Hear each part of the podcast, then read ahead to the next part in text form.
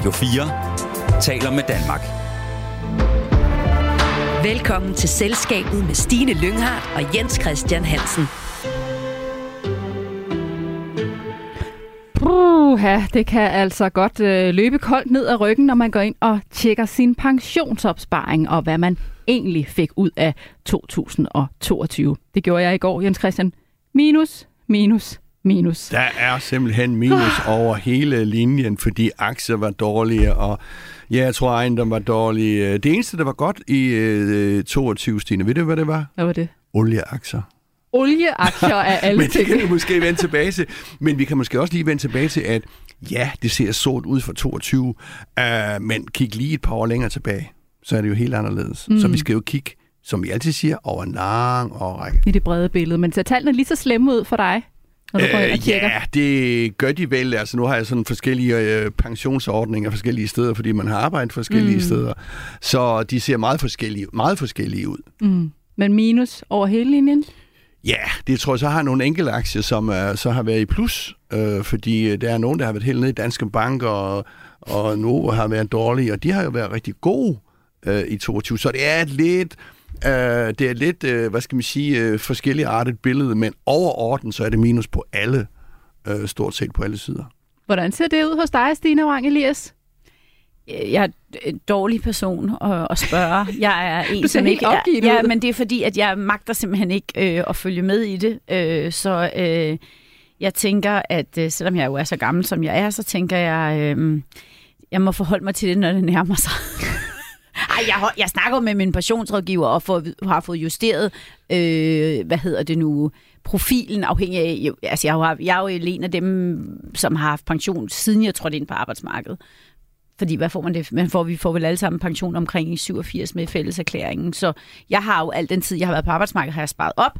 Så jeg tager en samtale ind imellem med min pensionsselskab, og så justerer vi min profil. Men øhm, nej, Men hvor meget justerer du? Er det sådan øh, høj risiko, mellemrisiko og lav risiko, eller er det endnu mere, øh, de skal ind i grønne aktier, de skal ind i, øh, eller er det den der øh, jeg er nok mere, hovedopdeling?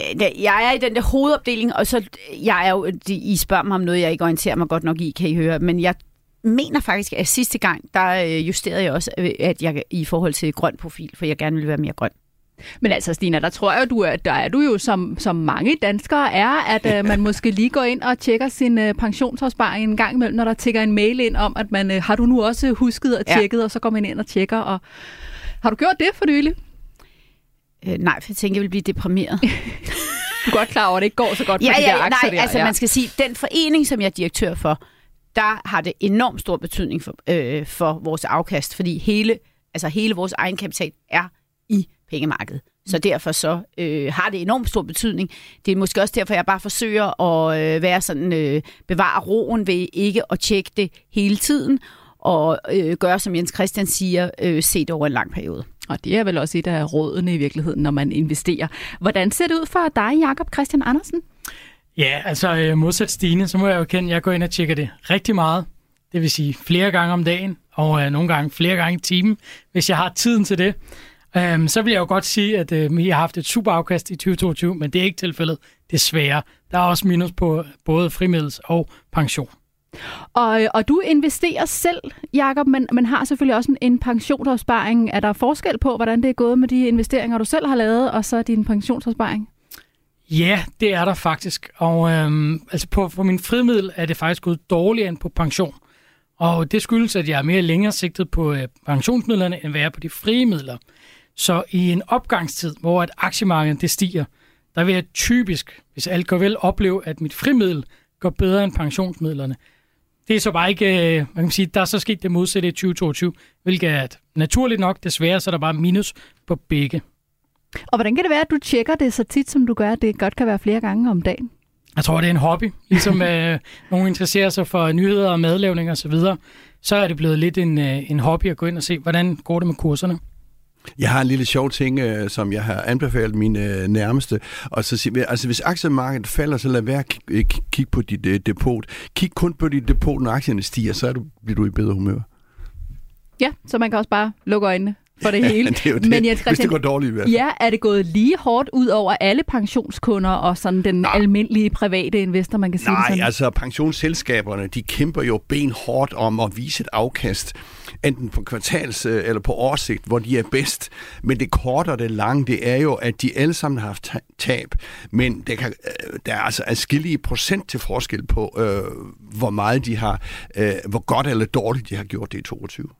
Men vi er altså kommet lidt bedre fra start på aktiemarkedet her i 2023. Her i Erhvervsmagasinet Selskabet skal vi tale mere om, hvordan det kan være, og hvad vores gæsters forventninger er til det år, vi har taget hul på. Og så skal vi også tale om øh, nogle af de helt store kanoner i dansk erhvervsliv. Både dem, som har formet det, som vi kender i dag, og dem, som lige nu er i fuld gang med at sætte deres aftryk. Vi har som altid et erhvervspanel med os. Det består i dag af Stina Wrang Elias, som er administrerende direktør i Tænketanken DEA. Og så har vi også en ny stemme. Vi har nemlig en ny gæst med os. Det er dig, Jakob Christian Andersen. Du er selvstændig konsulent inden for den finansielle sektor. Og hvis vi lige skal høre lidt mere om dig, Jakob. Jeg ved jo, at du følger bredt med i erhvervsnyhederne, men er der områder, du sådan har særlig interesse for? Ja, altså, et, som jeg også sagde til dig tidligere, så er det jo lidt af hver, for jeg følger faktisk med i det hele. Øhm, altså, øh, de aktier, der er børsnoteret, de har jo selvfølgelig en større interesse, fordi dem kan man købe eller sælge i, alt afhængig af, om man nu allerede i dem allerede. Øhm, så jeg vil sige, de, øh, de aktier, der er børsnoteret eller er på vej til at blive det, de har selvfølgelig større interesse end dem, der ikke har. Så det er særligt øh, aktier, du er optaget af, og det er jo så også øh, i den finansielle sektor, du arbejder i og er konsulent. Kan du ikke bare lige prøve at fortælle i store træk, hvad det går ud på, det du laver? Jo, det kan jeg sagtens, og det er sådan noget helt andet, jeg laver i den finansielle sektor. For jeg arbejder inden for øh, det, der hedder altså det compliance-mæssige område, hvor vi skal sikre... Og hvis øh, vi lige skal nævne compliance, yes. hvis man ikke lige ved, hvad det er, det er jo det her med, at man sådan ligesom skal følge nogle retningslinjer. Altså det kan jo for eksempel være GDPR, som virksomhederne skal følge. Ja, det kan det. Og det er alt, alt inden for det regulatoriske. Så alle de retningslinjer, som Finanstilsynet udstikker, mere præcist, så sidder jeg inden for det, der hedder løbende øhm, overvågning af kunderne og kundeforhold. Og øh, det vil sige, at man skal sikre, at man ved, hvor kunderne i bosiddende er, et bosiddende i Danmark, i udlandet. Har man det rigtige ID på kunderne osv., og Øhm, også, hvad er det egentlig, som de bruger deres bank til? Og jeg sidder med erhvervskunder, så det er mere for at sige, det er lidt, lidt mere komplekst, end hvis man sidder med de private. Altså man kan vel sige, Jacob, du skal fange alle øh, hvidvaskerne. alle hvidvaskerne og potentielt set, eller hvad kan man sige, øh, dem, der også ønsker at begå terror. Det hedder jo hvidvask og antiterror, helt formelt. Det lyder som en uh, ansvarsfuld opgave. Ja, det er det. Man kan i hvert fald sige, at konsekvensen er, er stor. Øhm, både forstået på den måde, at ja, hvis der bliver begået terror, så er det jo trist. Og øh, ligeledes så er konsekvensen også stort for de banker, som ikke efterlever reglerne. Bødestørrelserne, de er vækstet helt enormt. Så man kan sige, at uh, business is booming inden for den sektor, jeg er, om end at finansbranchen har haft det lidt hårdt i en overræk. Hvordan fanger man det, Jacob? Ja, man har en masse alarmsystemer, man sætter op. Så man forsøger først og fremmest at lave nogle mønstre og, og forsøge at gennemskue, jamen, hvornår er der noget, der er suspekt, og hvornår er der noget, der ikke er suspekt.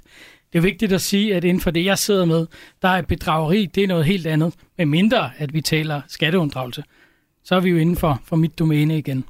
Må jeg lige spørge dig en gang, øh, har I så nogle fordomme, I også kommer? Altså, hvis nu du støder på et russisk navn, fordi at, at kaste den op. Altså, vi har jo hvidvaskskandalen i Danske Bank, som jo skete i øh, i Baltikum med, øh, med klare, øh, hvad skal man sige, øh, øh, øh, strenge til, til Rusland. Altså, er det noget, der springer i øjnene, sådan, øh, hvis de bor i Rusland eller har et russisk navn? Eller er det for at være for fordomsfuld? Øh, Jamen, altså, det er det jo ikke, fordi man kan sige, eftersom at der kom krig mellem Rusland og Ukraine, så lukkede alle banker per krav øh, russiske kunder ude, hvis man er bosiddende i Rusland. Så, så lige for at tage den, så er de, øh, de er allerede ude af ligning. Men, men man har selvfølgelig opsat et uh, utal af alarmsystemer, som skal gå ind og detektere på, hvornår er noget suspekt, og hvornår er det ikke. Og så hver gang, at en af de her alarmer kom, popper op, så prøver man jo så som, uh, som en finansiel virksomhed at undersøge, hvorvidt at der er noget bag det her, eller ikke. Og heldigvis skal jeg jo understrege, at det er jo i langt det første tilfælde, at der er noget. Jamen, spændende at høre om. Velkommen her til selskabet, både til dig, Jakob Christian Andersen, og selvfølgelig også til dig, Stina Frank Elias. Du lytter til Radio 4. Og lad os da øh, dykke lidt mere i, ned i aktiemarkedet, som det ser ud her midt i januar 2023. Jens Christian, hvordan øh, oplever du, at året er startet? Jamen, altså, året er faktisk startet sådan øh, pænt, positiv, optimistisk. Nu skal der selvfølgelig heller ikke så meget til, når vi kigger på 22, jo, som sluttede, øh, som sluttede dårligt. Øh, jeg tror, øh, jeg sad og kiggede på, øh, på, øh, på de største aktier på København, og jeg tror, 15 af dem, da jeg kiggede i hvert fald, var steget, og de fem var faldet. Altså, der er jo forskel på, øh, på aktierne. Men, men det korte og lange, det er sådan, det er sådan svagt optimistisk. Det store spørgsmål er jo, får vi recession, altså tilbagegang i økonomien, ikke bare i Danmark, men i, i hvad skal man sige, i Vesteuropa, eller får vi ikke tilbagegang? Og så skal man lige huske den sidste ting, eller en, en meget vigtig ting. Aktier handles på 6 til 12 18 måneders sigt, vel sagtens. Altså, de prisfastsætter aktierne ud fra, hvad de tror, de tjener om 6 måneder, 12 måneder, 18 måneder. Så det er sådan en fremtids, det er sådan et godt billede på en, øh, hvad skal man sige, en temperaturmåler, kan du sige. De kan tage fejl aktiemarkedet, men det er en temperaturmåler på, hvordan økonomien udvikler sig sådan overordnet. Og vi skal tale lidt mere om, hvad det er, der så kan komme til at påvirke kurserne her den kommende tid. Men kan du ikke lige prøve at fortælle lidt mere om, hvorfor det er, at vi er kommet godt fra start her i år? Ja, men jeg tror, det er fordi, at øh, altså, som, som sagt, altså det der med at stigning og fald er jo sådan lidt noget med, hvis noget er faldet meget, så skal det ikke så meget til at stige igen, og så videre, og så videre. Så der er også noget, noget, øh, noget mekanik i en her. Men, men, men jeg tror, det ser lidt mere positivt ud. Altså vi har krigen i Ukraine, som ligger som den store, tunge dyne, men men du kan jo sige, at inflationen er aftagende i USA og i Vesteuropa. Energipriserne er aftagende. Øh, gaspriserne er vel i, i bund. Øh, i hvert fald i, i, i forhold til de sidste øh, øh, øh, års øh, voldsomme stigninger. Så, så, så det er jo at sige, de tegn på, at det er lidt lysere, øh, at vi går imod en lidt lysere tid, øh, tid. men det er pokkers øh, usikkert det hele stadigvæk. Er du også optimist, Stina, ud fra de ting, som vi hører fra Jens Christian her? Altså med for eksempel faldende inflation. Men jeg stod, da du stod og siger, jeg, jeg havde egentlig lyst til at spørge de to herrer, om økonomien ikke egentlig opfører sig meget anderledes, end, end vi havde forestillet os. Altså, det kom jo ikke, efter corona havde vi jo forestillet os, at økonomien skulle være fuldstændig i bund. Det skete ikke. Øh, aktiemarkedet havde vi forestillet os skulle gå fuldstændig bund men det. Det skete ikke. Nu har vi haft en periode i 22, hvor vi har haft høj inflation og høje gaspriser. Nu, øh, nu kan du stå og sige sådan en række positive ting, men, men jeg står bare og tænker sådan, at, at det hele, er det, altså opfører, opfører tingene sig egentlig anderledes, end de plejer? Altså kan vi på samme måde, og det vil stille et spørgsmål til mine medpanelister, øh, altså opfører økonomien sig egentlig sådan, som den plejer, eller opfører den sig anderledes? Fordi jeg har en fornemmelse af, at det hele ikke opfører sig sådan, som det plejer, og når det ikke opfører sig sådan, som det plejer, så vil jeg være mere forbeholden med at være optimist. Det er jo et interessant spørgsmål. Skulle vi ikke prøve at lægge den over til dig, Jacob? Altså, jeg vil sige, svaret er ja, det er anderledes. Vi kommer ud af en periode med corona. Der har været lockdowns. Folk de har forbrugt på tv og så videre, men ikke på rejser. Nu skal vi lige finde ud af, hvilke forbrugsmønster vi skal ind i igen. Um, I forhold til de ting, Jens Christian nævnte tidligere, der synes jeg jo, en ting, synes vi mangler, det er jo, at det lader til, at Kina de vil åbne op. De accepterer, at der altså er en del, der kommer til at omkomme af corona, hvor tidligere så havde det den her ingen må, må omkomme-agtige mm. strategi. Ja, som jo også betød en masse for, for de øh, produkter, der skulle ud af Kina. Yes, det har det betydet. Og øh, det, der er så spændende, det er, hvor meget har det sat sig på inflationen. Fordi Kina, det er jo verdens øh, produktionsapparat. Og hvis de får rigtig gang i produktionen igen, så kan der have en positiv effekt på inflationen, underforstået at inflationen vil falde. Er, Jamen, du, altså, er du enig, Jens Ja, altså Stine, ja, uh, fuldstændig selvfølgelig. Uh, Kina er jo altafgørende for os alle sammen. Men Stine har jo fat i noget her. Altså, lærebøgerne, nu skal vi ikke ind i lærebøgerne, men de økonomiske lærebøger, de siger, at hvis det går sådan og sådan og sådan, så sker det sådan og sådan og sådan. Det holder ikke altid. Altså, øh, ikke altid i hvert fald. Nu må Jakob jo øh, korrigere mig, øh, men, men, men altså, det er ligesom, 22 var den såkaldt perfekte storm. Alt, hvad det kunne gå ned, og hvad det kunne ramme, ramte, som man siger. Så, så, øh, så øh, økonomien opfører sig ikke som, som den skal altid ifølge øh, lærebøgerne. Og hvad betyder det så? Jamen, det betyder jo, at det er hammer svært at sidde og planlægge for virksomheden, altså der laver man jo treårs budgetter, femårs budgetter og øh, forsøger at gå ind på markeder. Hvad er valutakursudvikling for eksempel? Ikke? Så det bliver bare sværere at Øh, altså de forudsætninger, du skal lægge ind i disse regnskaber, de bliver sværere og sværere. Altså bare sådan en, en speciel ting, som jeg aldrig nogensinde havde troet, som er lidt i en anden boldgade, men en speciel ting, som jeg aldrig nogensinde havde troet, jeg skulle høre om, det er, at øh, for eksempel så kan fastfood, fast, fastfood-restauranter i Kalifornien, altså McDonald's, de kan ikke holde åben fem dage om ugen, eller syv dage om ugen. De må vælge nogle dage, de har åben. Hvorfor kan de ikke det? Fordi de har ikke noget arbejdskraft. Altså, havde man, havde man forudset det? Nej, det havde man ikke forudset. Mm. Hvorfor har de ikke det? Jamen, det har de ikke, fordi der er ikke kommet lige så mange immigranter over, fordi der har været covid. Øh, altså, og der er også nogle andre forklaringer på det, og der er faktisk også den forklaring, at folk simpelthen ganske enkelt snart ikke længere vil finde sig i at skulle arbejde under de vilkår. Mm. Øh, men, men det er mere det der, altså der er bare nogle forudsætninger i økonomien, som jeg tænker, at øh, det kan vi ikke længere tage for givet på samme måde, som vi kunne før. Jeg synes i hvert fald, jeg havde haft nogle, jeg havde nogle helt andre forventninger til, hvordan verden ville se ud efter covid, og det blev ikke nøjagtigt sådan, for nu at sige det mildt. Og hvad betyder den øh, usikkerhed, når man er investor, altså man ikke helt kan regne med de her klassiske økonomiske øh, billeder, vi har? Det er muligheder. Ja, ja det er positivt at se på det på den måde. optimisten på det. Altså, man skal jo acceptere, at der er bølgeskvulp, ikke? Og sådan er det jo, når man er på investeringsmarkedet. Hvis ikke man kan tåle det, så øh, skal man nok enten købe en ETF eller købe en investeringsforening, og så ligge langsigtet i den. Men køber man enkelt aktier, så må man acceptere, at 2023 sikkert bliver et år med stor skvulp, ligesom 2022 var, mest i nedadgående retning. Og hvad betyder, Jens Christian, nu er Stina jo også inde på arbejdsløsheden her, fordi den er jo rekordlav, som den er lige nu. Øh, hvad betyder det for aktiemarkedet, for eksempel? Jamen, det betyder at øh, alt andet lige, at øh, hvis du mangler folk, jamen, så kan du ikke producere så meget, som øh, du kunne, hvis du havde øh, fuld beskæftigelse i, i din virksomhed. Så overordnet øh, betyder det. Men det er selvfølgelig en masse... Altså, de første, øh, eller hvad skal man sige, de nuværende øh, pile peger jo mod et øh, markant stigende øh, øh, ledighed. Øh, om det så bliver 50 eller 100.000 ekstra ud på arbejdsmarkedet, det ved jeg ikke. Og passer de så ind i de job, der mangler? Så det er jo, øh, det er jo lige med at få det der til mm. at passe, øh, og sådan er det ikke altid. Jakob? Ja, og situationen er også lidt anderledes i, øh, nu her i forhold til, at normalt når der kommer jobtal ud fra USA, så hvis der er kommet mange i beskæftigelse, så er det en positiv nyhed. Det er bare omvendt nu, hvor det altså sender aktiemarkederne nedad, fordi det man er jo så bange for som investor, det er, jamen så kommer der mere inflation, og det betyder højere renter. Og Stina, du har også Ja, men det var bare omkring det her med, i hvert fald hvis vi kigger på det danske arbejdsmarked, så må man sige, at de brancher, som bliver påvirket øh, af en recession, det er for eksempel bygge og anlæg. Det ja. tror jeg allerede, man kan se der. Jamen, de folk, der er ansat i bygge anlæg, de kan altså ikke nødvendigvis bruge de steder, altså uden omskoling. De kan selvfølgelig kan de blive omskolet, så kan de blive brugt. Som sygeplejersker. Sygeplejersker, lærere, pædagoger, 1100, altså prøv i København, de store øh, kommuner, der er ikke nok lærere, der er ikke nok pædagoger. SOSU, jeg tror, hvis du spørger KL, de siger, at man kommer til at mangle 32.000 i 2030. Altså, så der er, og det er jo nogle, hvad kan man sige, det er nogle mangler, som er fuldkommen uafhængige af konjunkturer.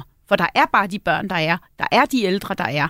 Så, vi har, så det, vi har behov for, det er vidderligt at få et meget, meget sådan finmasket øh, blik på, på vores arbejdskraftsmangler og få gang i vores eftervidereuddannelsessystem, så folk meget nemmere kan flytte rundt på arbejdsmarkedet. Det har vi meget, meget svært ved i Danmark, fordi vores investeringer i, i hvert fald statens investeringer i uddannelse, primært sker i formel ordinær uddannelse, inden du er 30 år gammel. Og det vi har brug for, det er at gentænke det system, så det bliver meget nemmere at kunne tage noget andet uddannelse og flytte dig derhen, øh, hvor der er brug for det, øh, når du får behov for det senere i livet. Jakob?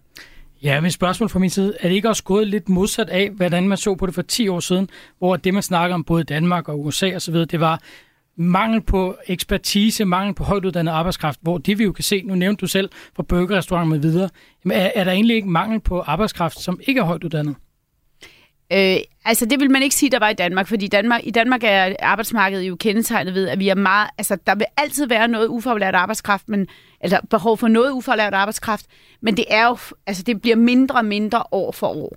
Jeg tror, i Danmark vil vi sige, at der har vi behov for, der har vi et kæmpe behov for dem, som har en, øh, på et bachelorniveau, altså et professionsbachelorniveau. hvis du kigger på USA, så kan man jo se, det er næsten ligegyldigt, hvad du kigger på, så går der en skillelinje i forhold til, hvad for en livskvalitet du har, om du har over eller under en bachelor. Hvis du er under en bachelor i USA, så er dit liv ikke særlig sjovt. Så jeg vil sige det sådan, vi har nok ikke alle sammen behov for, at altså arbejdsmarkedet har svært ved at absorbere de meget specialiserede kompetencer, man får, hvis man tager en kandidatuddannelse, men til et bachelorniveau, der vil jeg sige, så, de, så, så højt ud, altså arbejdsmarkedet, hvor man bruger meget højt uddannet arbejdskraft, så vil jeg sige til og med bachelorniveau, det har, vi, det har vi behov for. Og i Danmark har vi så også, og mange andre lande har vi også meget behov for øh, faglært arbejdskraft, som jo kompetencemæssigt på mange niveauer modsvarer, hvad jeg vil sige var en, var en bachelor. Jens Christian, hvis vi lige skal vende tilbage til vores øh, pensionsopsparinger, som vi startede med at, at tale om. Hvad betyder det egentlig for vores formuer, at 2022 var så dårligt et aktieår? Jamen altså, øh, det betyder jo så, at du har lad os sige, øh, at øh, for eksempel det danske aktiemarked, tror jeg, er faldet 15 procent, hvis jeg husker ret, de store, de store aktier. Men man skal jo bare huske på, at i 20 og 21, der steg de kraftigt. Altså man kan illustrere det ved et lille eksempel. Hvis du havde 100 kroner ved indgangen til 20, så havde du 120 kroner ved udgangen af 20, fordi det var et godt år. Og udgangen af 21, så havde du 140 kroner. Øh, og så tabte du så i, i, øh, i 22, så i udgangen af 22 havde du 116. Nå, altså, så har tjent lidt i det altså store billede. over disse tre år, det er meget grove tal det her, og øh, over de tre år har du så tjent 16 procent, altså 5 procent om året. Mm. So what's mm. the problem? Uh, men det afhænger jo meget af, hvornår du kommer ind, og hvornår du skal ud af det der... Kan I så ikke uh, ringe til mig, fordi jeg er jo jordens dårligste kompas. Altså jo. de to gange, jeg har investeret i aktier selv, der er bunden gået ud af markedet og sådan 14 øh, dage efter eller sådan noget. Så jeg kan I ikke ringe til mig, når jeg skal til at gå ind i det marked. Ja, hvorfor kastede du dig i sin tid ud i Ej, det, Don't ask me. Altså det kan jeg ikke engang huske. Der har været nogen der, og jeg er god til at blive overbevist om noget. Nå. No. har, har du nogle gode råd til uh, Stina her, Jacob? Fordi jeg ved jo, du faktisk har investeret længe. Du er uh, du blev 40, 40 år i år, er det ikke sådan? Ja, jeg bliver 40 år. Du bliver 40, ja. Og, og, tak og har faktisk... Uh, ja, altså helt ærligt, det er jo ingen alder, det lover jeg Jeg tror, du er den yngste i studiet, ja, Jacob. Okay. Uh, men du har investeret siden, uh, at du var 19 år. Hvad har du sådan af erfaringer? Kan du ikke give Stina nogle gode råd til, hvis hun skal prøve at kaste sig ud i det igen? Altså, jeg har jo mistet ikke gode råd, som jeg så selv glemmer at følge dagen efter. ja. men, men jeg er helt enig i det, Jens Christian lige var inde på. Uh, timing, det er ekstremt essentielt, og, og derfor kan man sige, 2022 var man førstegangskøber på boligmarkedet, var man førstegangskøber med lagde mange midler ind i aktiemarkedet, medmindre man har købt Novo Nordisk, så har det bare været rigtig, rigtig ærgerligt for en. Så står man rigtig dårligt. Har man været heldig i gåsøjne og været med lidt længere på boligmarkedet eller investeringsmarkedet, så er det måske ikke så slemt øh, endda. Så min anbefaling til Stine, det er tålmodighed. Altså, jeg skal det... vente med at gå ind. Det er det, du i virkeligheden siger til mig. Du skal gå ind løbende, så du skal lade være med at gå ind med alt på en gang. Du skal lade være med at gå ud med alt på en gang. Du skal okay. løbende gå ind. Og så er det vel også det der, altså det er jo banaliteter, jeg står og siger nu, men hvornår skal du bruge de penge, du går ind i aktiemarkedet med? Skal du bruge dem om et halvt år til en jordomrejse, eller skal du bruge dem om 20 år Øh, eller om, undskyld, om 40 år, når du skal pensioneres. Når jeg griner så højt, så er det fordi, at der er ikke nogen, der... På radio kan man jo ikke se, hvor uger gammel jeg er. Ej, det passer jo Men pointet, pointet er jo, og det, og det er sådan meget vigtigt, det er jo det, det øh, en investeringsrådgiver spørger om som det første, hvornår skal du bruge de penge? Ja. Altså, jo længere horisont du har, stille og roligt. Du kan jo så også huske, det kan jeg godt afsløre, du kan jo godt huske finanskrisen yes. af 2008-2009, da alt var sort, og vi kiggede ind i nogle pensionsdepoter, kan jeg godt fortælle dig, som også så øh, dårlige ud.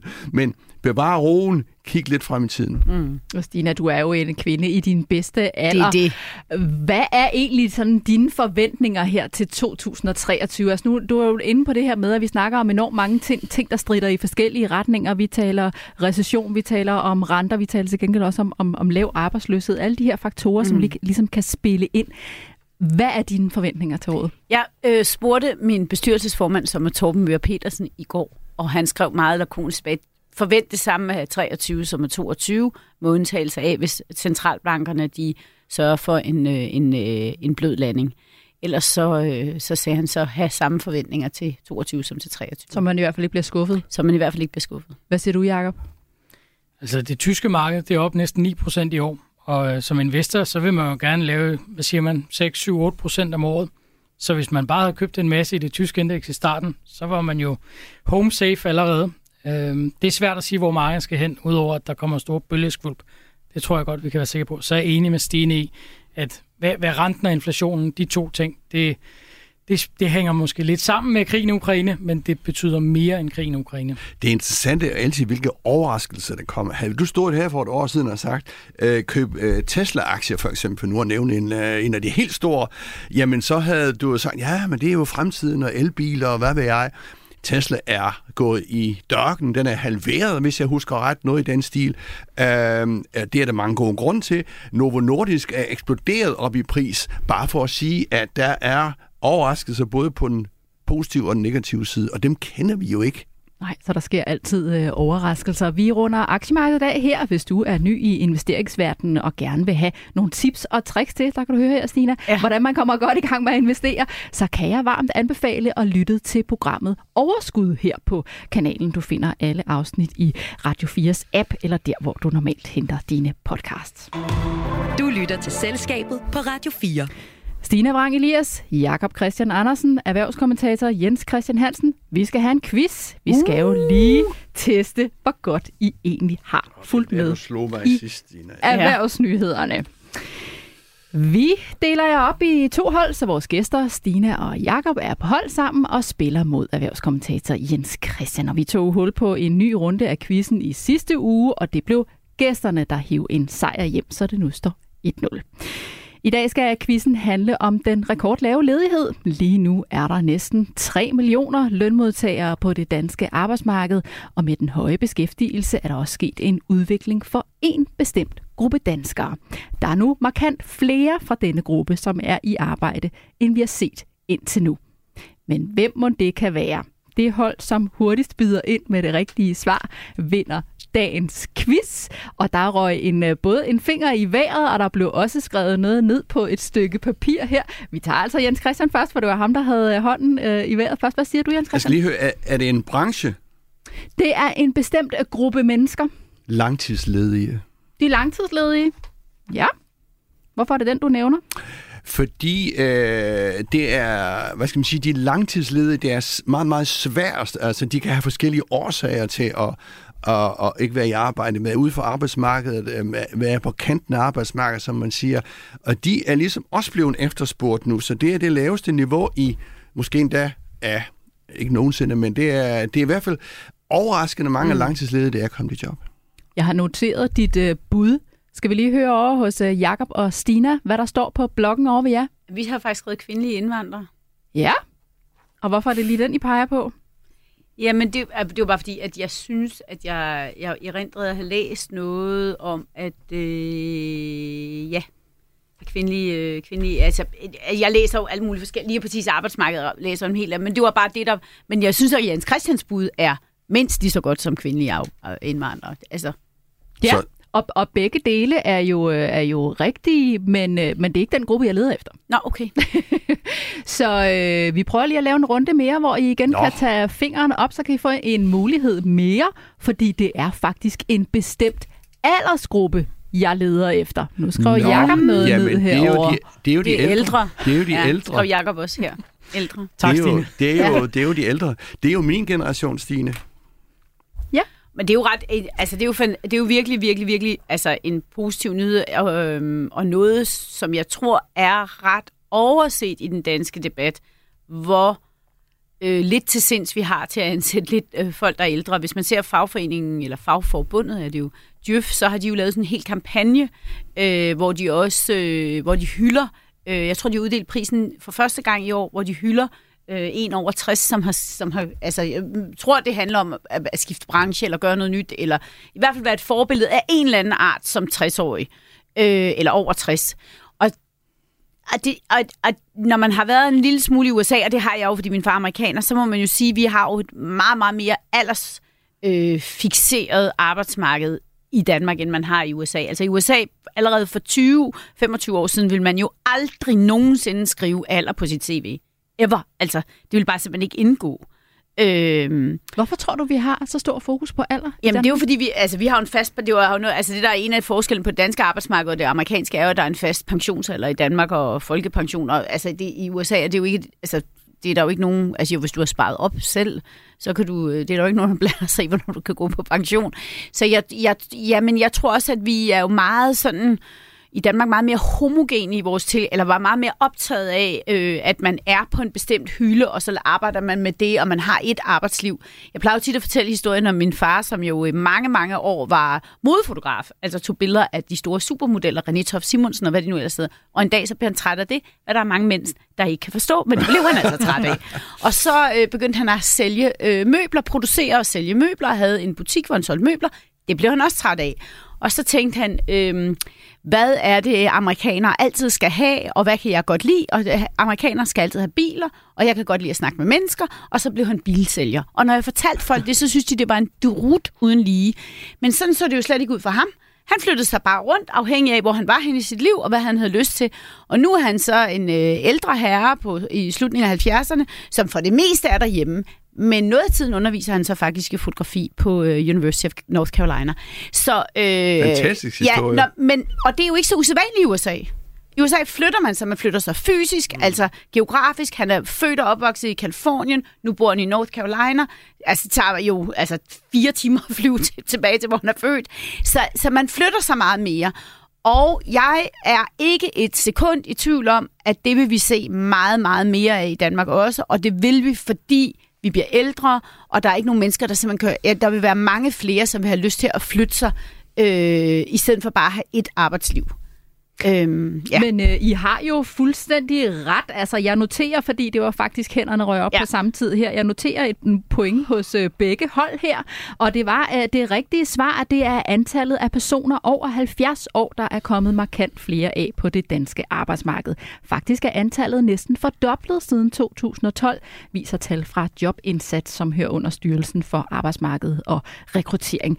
I 2012 var der lidt over 23 personer over 70 år i beskæftigelse i Danmark. I 2022 var antallet røget et stykke op over 44.000, skriver Ritzau. Og det er især mændene, som trækker i arbejdstøjet, selvom de har rundet 70 år. Præcis ligesom dig, Jens Christian. Hvorfor tror du, at der er flere over 70, der vælger at have et arbejde på et tidspunkt, hvor man godt kunne trække sig tilbage? Jamen, jeg tror også, det er, fordi mange øh, identificerer sig med sit arbejde, og så pludselig, øh, hvis du som, hvad er pensionsalderen, 65-67 år, skal sidde 67 derhjemme og kigge ud, Ja. og telefonen ringer ikke mere, der er nogen, der bliver lidt bange der, så kan man vel sige, at øh, min aldersgruppe her er nok i lidt bedre fysisk form, øh, mm. end man har været tidligere, tænker jeg. Øh, Både sådan op i hovedet, men også i kroppen. Så, så der er jo flere ting. øh, Jeg øh, så øh, et indslag med en 80-årig læge, øh, som var kommet tilbage til arbejdsmarkedet. Ikke? Og jamen, altså, lad os da gøre brug af øh, alle dem, øh, øh, øh, alle de hænder, der er, og hvis, man, og hvis der er interesse for det. Jakob, hvad tænker du, det betyder, og ikke kun for de 70-plus-årige, som, øh, som holder sig i gang, men også for virksomhederne? Super, super fint. Uh, man snakker meget om diversitet. Det er jo ikke kun mænd og kvinder. Det er jo også, om man har nogen på 20 år, og nogen på mm. skal vi sige, Jens Christians alder. Så jeg synes, at det, det er super fint, også fordi jeg mener, på en arbejdsplads, der kan man lære af begge. Mine egne erfaringer, det er, at uh, har man en på 25, så er der meget dynamik, det går stærkt, og de lærer hurtigt, særligt med det IT-mæssige. Når man så har med en at gøre, der er man sige, omkring de 70 eller, eller tættere herpå, så, så er der nogle andre ting, som de kan spille ind med. Jeg oplever faktisk ofte, at de er super gode til at tale med kunder. Også inden for, øh, for mit felt. De er mere rolige i det og noget. Det kan, det kan kunder godt lide. Så jeg, så jeg mener, at, at have de to i samspil, der kan de lære meget hinanden. hinanden. Så det er altså godt med diversiteten, og det blev altså begge hold, som løb med sejren i dagens quiz, så stillingen nu er 2-1. Radio 4 taler med Danmark. Ja, det her er Erhvervsmagasinet Selskabet, hvor vi stiller skarpt på ugens store erhvervsnyheder sammen med vores gæster, som selv kommer fra erhvervslivet eller følger det tæt. Dagens erhvervspanel består i dag af Stina Vrang Elias, som er administrerende direktør i Tænketanken DEA. Og så har vi en ny gæst i panelet, som er Jakob Christian Andersen. Og Jakob er selvstændig konsulent inden for den finansielle sektor. Og endelig har vi selskabets faste erhvervskommentator Jens Christian Hansen, som også sidder med i panelet. Og jeg hedder Stine Lynghardt. Nu skal det handle om nogle af de helt store kanoner i dansk erhvervsliv. Dem, som har været med til at præge vores samfund, som det ser ud i dag. Og Jens Christian, jeg ved, at du er helt opslugt af den uh, dramadokumentarserie, som kører på DR for tiden, der hedder Matadorerne. Og det er ikke fordi, vi skal tale om uh, selve tv-serien, men vi skal tale om de to hovedpersoner, som er centrum for DR's fortælling, og selvfølgelig også nogle af de andre matadorer, som har været med til at forme det Danmark og det erhvervsliv, vi kender i dag. Og hvis vi lige skal starte med at sætte scenen. Vi er i slutningen af 1800-tallet. På det tidspunkt er der to bankkonger, C.F. Titken og Isak Glykstad, som kæmper om at blive den største bankmatador i Danmark. Prøv lige at tage os med tilbage og fortælle lidt mere om den her tid øh, og, og de personer i erhvervslivet dengang. Jens Christian. Ja, det er jo altså en dramatisk, øh, fascinerende øh, tid med brud, øh, slagsmål, nedtur, optur. Altså man skal huske, man er 1864, det kan folk sikkert huske, der tabte vi to femtedele af vores land, og vi var meget nedtrykte. Og så i 70'erne der, øh, så kom der en, en guldalder, øh, fordi... Øh, det, det, det, det er der mange grunde til, men øh, for eksempel øh, dammskibe af, afløste øh, øh, sejlskibe havde i 1800-tallet. Øh, vi oplevede en ny guldalder, og så har vi disse øh, fremsynede mennesker, som satte nogle visioner på på, øh, på landkortet i 70'erne, 1870'erne, 1880'erne og 90'erne.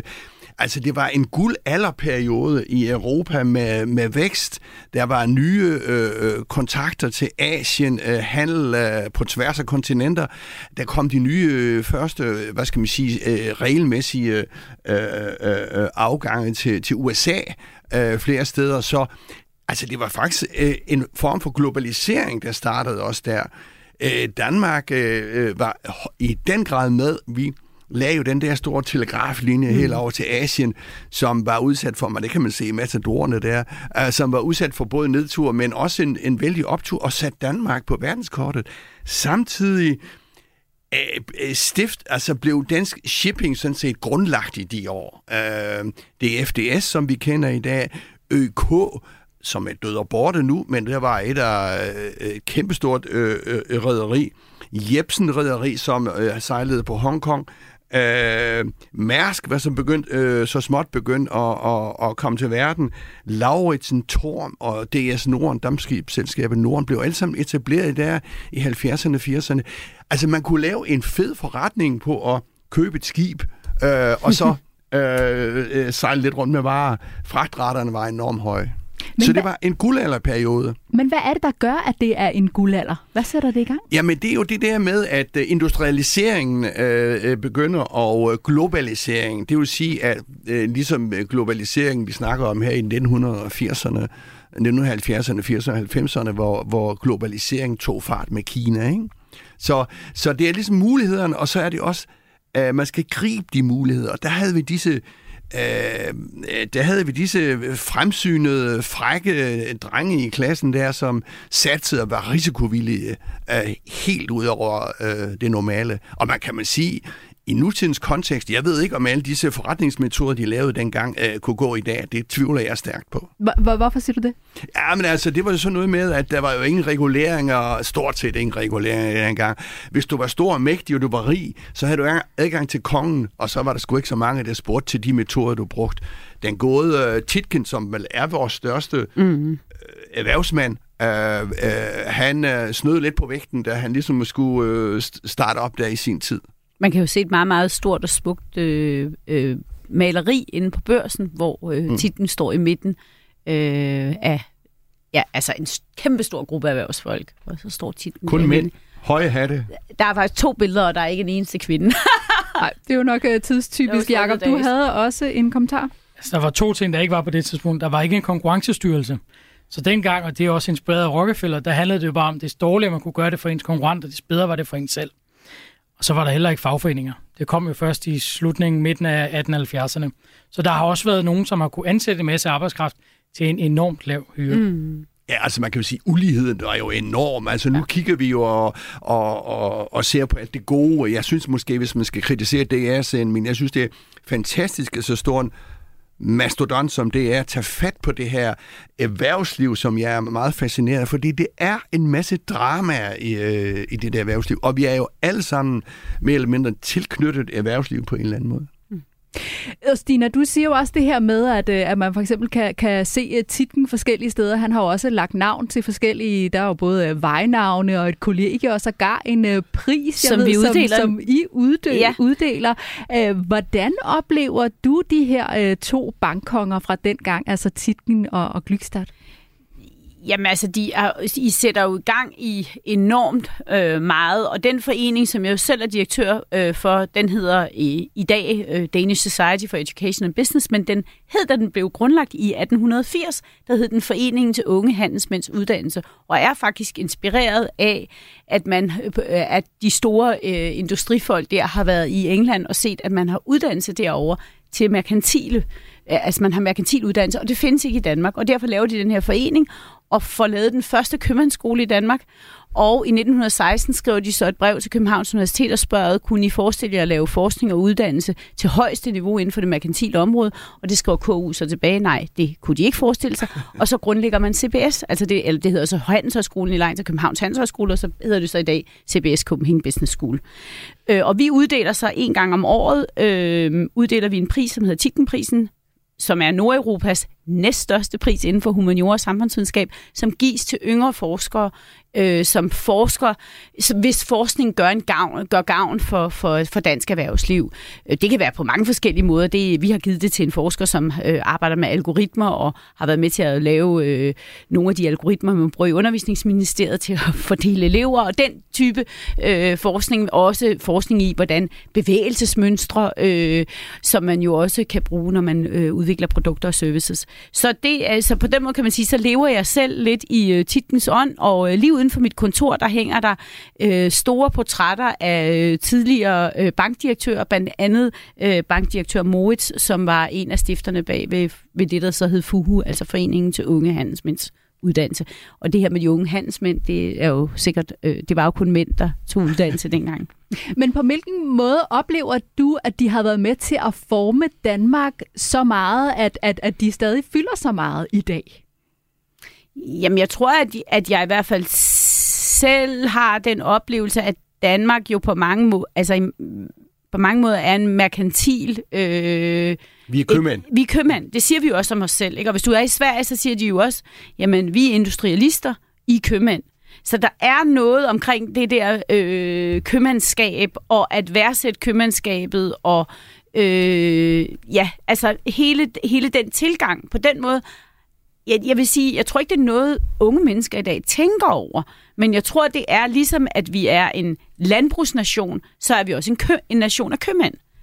Man kan måske sige, hvis jeg lige må, øh, fordi, hvorfor er vi købmænd? Jamen det er vi, fordi øh, købmænd og, og shipping hænger, hænger sammen. Ja. Altså ØK blev jo stiftet af, øh, men man ville også have disse plantager og skove og savværker ud i Thailand, så man selv havde hele værdikæden. Det vil sige, du havde produktionsapparatet, du havde shipping, og så havde du også hele handelen. Så det er sådan en blanding af den der shipping og Øh, og handel og shipping er jo, øh, altså jeg tror, at København er blandt de fem øh, øh, største centre øh, i verden på shipping. Ikke? Så det er noget, der har holdt ved helt frem til i dag. Og det er ligesom søfarten, der har banet vejen for, for købmandskabet? Ja. ja. Jakob, du havde også en kommentar. Jeg var bare i Sverige på et tidspunkt, hvor at, øh, jeg hørte nogle svensker omtale danskerne som Nordens tyrkere. Ja. Og med det, der tænker jeg på, at det går stærkt. Jeg forestiller mig sådan en, en bazar, de ser for sig i Sverige, hvor der står nogle danskere og sælger varer. Men jeg er fuldstændig enig med, hvad, hvad mine to kompagnoner her siger i dag, i, i forhold til, at vi er en nation af købere og sælgere. Og hvordan oplever du, Jakob, øh, de her herrer, Titgen og Glykstad, deres øh, drivkraft? Tænker du, at det har været af personlig eller mere samfundsmæssig karakter? Personligt, det tror jeg. Øhm, altså, jeg, jeg tror, igennem øh, mange århundreder, så har folk selvfølgelig også været optaget af at, at give til andre osv. Men, men jeg kunne ikke lade være med i forhold til forberedelsen at kigge på, når, hvis man så går 100 år tilbage, hvem, hvem havde vi så i 1700-tallet? Og, og der må jeg bare erkende, at dem, der kom frem, det var slavehandlere, plantageejere osv. Så, så, så nogle gange har man det jo også lidt mere at romantisere fortiden. Mm. Det, du var lidt inde på det, Christian, med, med DR's udsendelse her. Det kan også være, at man har gjort det lidt her. Øh, altså man kan jo sige sådan, øh, jeg er enig, det, at det skal være drevet af et personligt drive for at blive rig. Det er sådan set fint nok. Men jeg tror også, det har noget at gøre med, altså, hvor, øh, hvordan kan du blive blåstemplet i samfundet, ikke? Og mm. dengang, måske også lidt i dag, der blev du blåstemplet, hvis du blev inviteret op på, på slottet til kongen. Uh, og det er selvfølgelig også lidt med rigdom at gøre, men kan du også gøre noget for landet? Altså, jeg tror, de har tænkt, uh, jeg uh, vælger at tro på, de har haft en vision, jeg kan lave en fed forretning, for nu at bruge øh, nutidens ordsprog, ved at lave en, øh, en rute mellem øh, Hongkong og, øh, øh, og USA, for eksempel, for nu at nævne en eller anden ting. Altså, man kan jo sige sådan, man ser ind i de muligheder, der er, og så kan jeg lave en god forretning på det, det selv. Men kunne man ikke også godt forestille man, at hvis man nu er øh, en forretningsmand, som allerede har gjort det virkelig, virkelig, virkelig godt, som titlen jo har på et eller andet tidspunkt, så bliver det næste eventyr bliver jo så ikke at tjene endnu flere penge. Så bliver det næste eventyr at opnå anerkendelse, for eksempel samfundets anerkendelse. Mm. Så, så der vil man jo, altså, så vil man jo rykke et andet sted hen, og så vil det være nogle andre ting, man er optaget af. Jeg kom bare til at stå og tænke på, at rigtig mange danske virksomheder er jo også fondsejet. Altså, der har man jo også haft en idé om, at nu er jeg blevet så rig. Øh, det, jeg er med på, at der også har været skattetekniske grunde til, at man så har lavet fondseje. Men der er jo også noget øh, i de fondatser, tit når man læser de fondatser, så er der jo også at give tilbage til samfundet. Så, så jeg tror, at når du når et vist niveau af rigdom, så vil det, der er attraktivt for dig, vil være en anden form for anerkendelse, end bare alene mere rigdom. Er du man enig, ja, man kan jo se det med Titken der. Det vises jo også udmærket i, i, i den der Matador-serie. Der. Det er jo, at Marmorkirken, som en eller anden konge begyndte at bygge i en eller anden tid... Altså uh, Marmorkirken inde midt i København? Midt i København, et meget stort monument, uh, lå jo brak i, jeg tror det var 100 år, eller altså virkelig, virkelig mange år. Og så pludselig, så køber Titken Mm. Det der faldefærdige monstrum af, en, af, af nogle mursten, og bygger Marmorkirken, øh, som jo øh, er et monument i København nu, og forærer til staten. Altså, det er jo selvfølgelig, fordi han kunne gøre det, fordi mm. han var rig, og øh, dermed også kunne øh, sætte, altså, vise noget for samfundet, ikke? Jo, sætte sit mærke. Og sætte sit, altså så er vi jo hen ved det der med, at man sætter sit mærke, men det hænger jo sammen, de ting der, tænker jeg. Mm. Operahuset i København. Operahuset ja, det stod jeg også lige og tænkte på. Og hvorfor ja. nævner du lige den, Jacob? Ja, det var jo, A.P. Møller, han var jo oppe i årene, der ja, man gik i gang, ja, lige præcis, da man gik i gang med byggeriet heraf. Og øh, ja, altså øh, i København, der er det jo, det, det er en bygning, der er svært at komme udenom. Den fylder meget. Ja. Men det er jo sjovt, hvis vi snakker om sådan nogle ting der. Christian den 4., end den gamle konge, hvornår levede han 1600-tallet eller sådan noget, som jo har sat alle monumenterne. Tænk, hvis vi ikke har haft sådan en vild øh, konge i sin mm. tid, som man kan kritisere for sindssygt meget, men vi dyrker jo disse monumenter i dag. Mm. Det synes jeg er lidt tankevækkende. Og hvilke linjer lægger de så op til i dag, Jens Christian? Er der også noget med sådan, altså måden at, at, at være iværksætter på?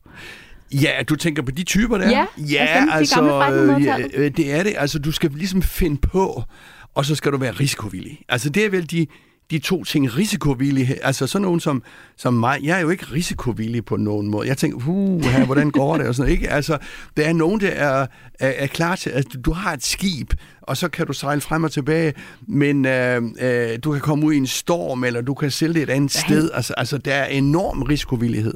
Ja, kombineret vil jeg sige med at være visionær.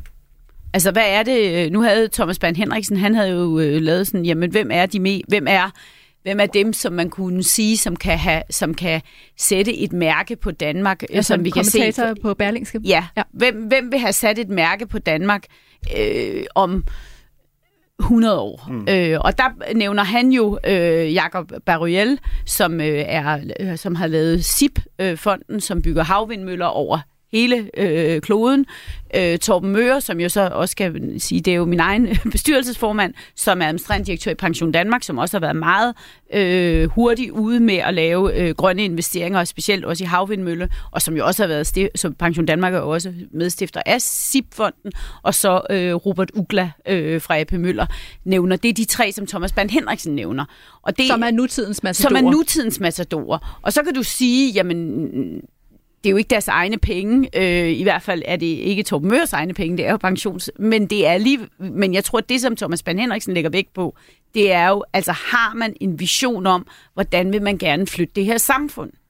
Og det er jo der, hvor man kan sige, det er vel også det, som Titgen og Glykstad, hvordan vil man gerne flytte det her samfund? Det er ikke nok at tjene penge, det er ikke nok at bare blive rigere og rigere og rigere. Hvad er det for et samfund, jeg også gerne vil være med til at skabe? Og det, det tror jeg ikke, man kan, når man starter ud, men det tror jeg, man kan, når man bliver endnu rigere. Jakob? Jeg er helt enig. Jeg tror, det er, det er en vigtig skælden, hvorvidt at man fokuserer på personer, der forsøger at gøre deres rigdom større og større, eller personer, som har fået, øh, fået en del midler, og som giver dem tilbage til samfundet. Jeg skal jo bare et, et, et par tanker ned. Der er jo Lennart med det svære navn Lavbovic øh, fra, fra, fra Tiger, som, øh, som giver en del til hjemløse. Nu noterer jeg, at Henrik Lind jo i Aarhus, han øh, betaler jo en stor del af AGF's nye stadion, så man kan jo give tilbage på, på mange måder. Jeg kommer også til at tænke på Patagonia. Nu har vi jo diskuteret, at det, altså, er det bare smart, eller mm. er det ikke? Mhm. Men, men stifterne af Patagonia har i hvert fald jo sagt, jamen, nu giver jeg det hele tilbage til jorden. Altså det her outdoor brand. outdoor brand, ja. Hvem mener du er nutidens uh, matador, hvis vi har sådan nogen, Jens Christian?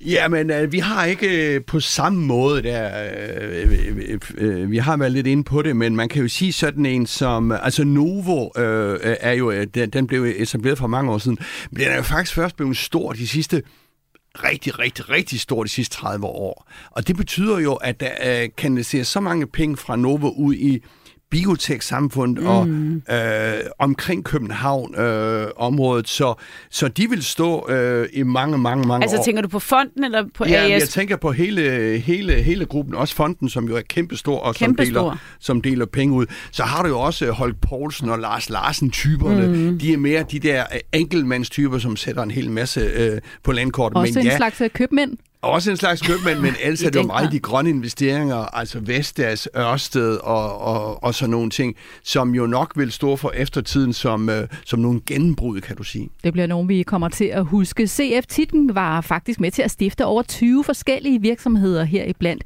Rederiet DFDS, de danske sukkerfabrikker Tuborg og telefonselskabet KTAS. Og derfor fik Titgen ifølge DR det allerførste telefonnummer, som kort og godt var nummeret 1 det er da nemt at huske. Du lytter til Selskabet på Radio 4. Ja, i studiet er Stina Vrang Elias fra Tænketanken DEA, selvstændig konsulent Jakob Christian Andersen, selskabets faste erhvervskommentator Jens Christian Hansen, og jeg hedder Stine Lynghardt. Og vi har lige nogle minutter tilbage af programmet, så vi kan lige nå at tale om, hvad det er, der optager jer hver især inden for erhvervsområdet for tiden, og hvad I vil holde øje med den kommende tid. Jens Christian? Jamen det, altså ja, er lidt, øh, hvad skal man sige, altså alle de cyberangreb. Nu i sidste uge, der så vi et hav af cyberangreb mod banksektoren og bankdatacentraler. Det er ikke cyberangreb, hvor man ligesom øh, stjæler data, hvis jeg har forstået det ret. Det er, øh, det er sådan noget forstyrrelseselement, at man sender en masse trafik igennem, så man ikke kan komme ind på sin, øh, øh for enkelt sagt, ikke kan komme ind på sin øh, netside øh, på banken. Øh, så, så, så det er noget, der vil lægge en enorm omkostninger over på bankerne og sørge for, at disse IT-systemer, øh, det er næsten lidt ind på Jakobs område her, kan man sige, øh, bliver sikrere og sikrere. Er det noget, der er stor fokus på øh, for tiden med IT-sikkerhed, Jacob? Ja, det er det, men det er jo ikke kun i den finansielle sektor. Men nu tror jeg, der var tale om en, en russisk øh, hackergruppe, og de går selvfølgelig efter, hvor det rammer flest, og det er klart, at, at alle mennesker i Danmark har jo en uh, netbankadgang. Så det rammer selvfølgelig. Skal vi ikke lige, også lige nå at runde Tesla, de her elbiler? Fordi det ved jeg jo, at både du, Jakob og Stina har bemærket i denne her uge, at øh, de har jo sat øh, priserne på deres biler markant ned. Altså vi taler mange tusind kroner. Hvorfor gør de det, Jacob? Ja, det talte vi jo lige indledningsvis om. Det er, det er faktisk svært at, at sige, hvorfor. En ting er jo, hvad de selv melder ud, og så er det jo så, om det så også er den rigtige Øhm, de har jo selv meldt ud, at de har fået optimeret deres fabrikker, så de kan simpelthen producere billigere. Hvorvidt det er den hele historie eller ej, det skal jeg lade være usagt, men det er i hvert fald noget, der kommer til at flytte meget i markedet, ikke kun for Tesla, det er helt sikkert. Æh, det gode, er det, det gode er jo, at konkurrencen virker. Det kan så godt være, at de sætter det ned, fordi de er ved at gå rabundus, I don't know. Men det korte og lange, det er i hvert fald, at konkurrencen ser ud til at virke her, når de kan sælge dem som mm. billigere. Hvad koster en Tesla? Ja, jeg tror, at den billigste kan du få for vist nok under 400.000 efterhånden. Ja, det er det leje. Det er jo cirka 100.000 kroner, en bil er blevet sat ned. Det er jo ganske Det er også en chat. Men i stedet Mm, mellem ja. 20 og 30 procent, afhængig af hvilken Mm. type. Hvilken øh, betydning, ganske kort, Stina, tænker du, det får, får for, øh, hvad får det for en betydning for elbilsmarkedet, at der kommer nogen, der sætter priserne så markant ned? Jamen, det gør jo, at det bliver mere altså, muligt for flere. Altså, når man sætter priser ned, bliver det muligt for flere. Altså, det, vil, det må være, og det bliver, og bliver mere attraktivt for flere at, øh, at, øh, at købe en elbil. Og når der er flere, der køber en elbil, så går jeg også ud fra, at det vil påvirke det her med altså, få sat ladestander op. Mm. Og, altså, det, det sætter gang i sådan helt... Øh, altså hele det maskineri, der skal til. Noget af det, der bekymrer mig rigtig meget, det er, øh, altså, findes der de mennesker, der egentlig skal sætte de ladestander op? Så der, øh, ja, der kan vi binde en, en ring her på udsendelsen. Vi er nået til vejs ende i selskabet i dag. Tak til vores gæster, Stina Wang Elias, administrerende direktør i Tænketanken DEA, selvstændig konsulent Jakob An- Christian Andersen, og selvfølgelig også til dig, Jens Christian. Vi ses igen på næste onsdag. Programmet her var produceret af Beam Audio Agency for Radio 4. Bliv endelig hængende her på kanalen, hvor der er masser af god radio på vej til dig. Tak fordi du lyttede med. Radio 4 taler med Danmark.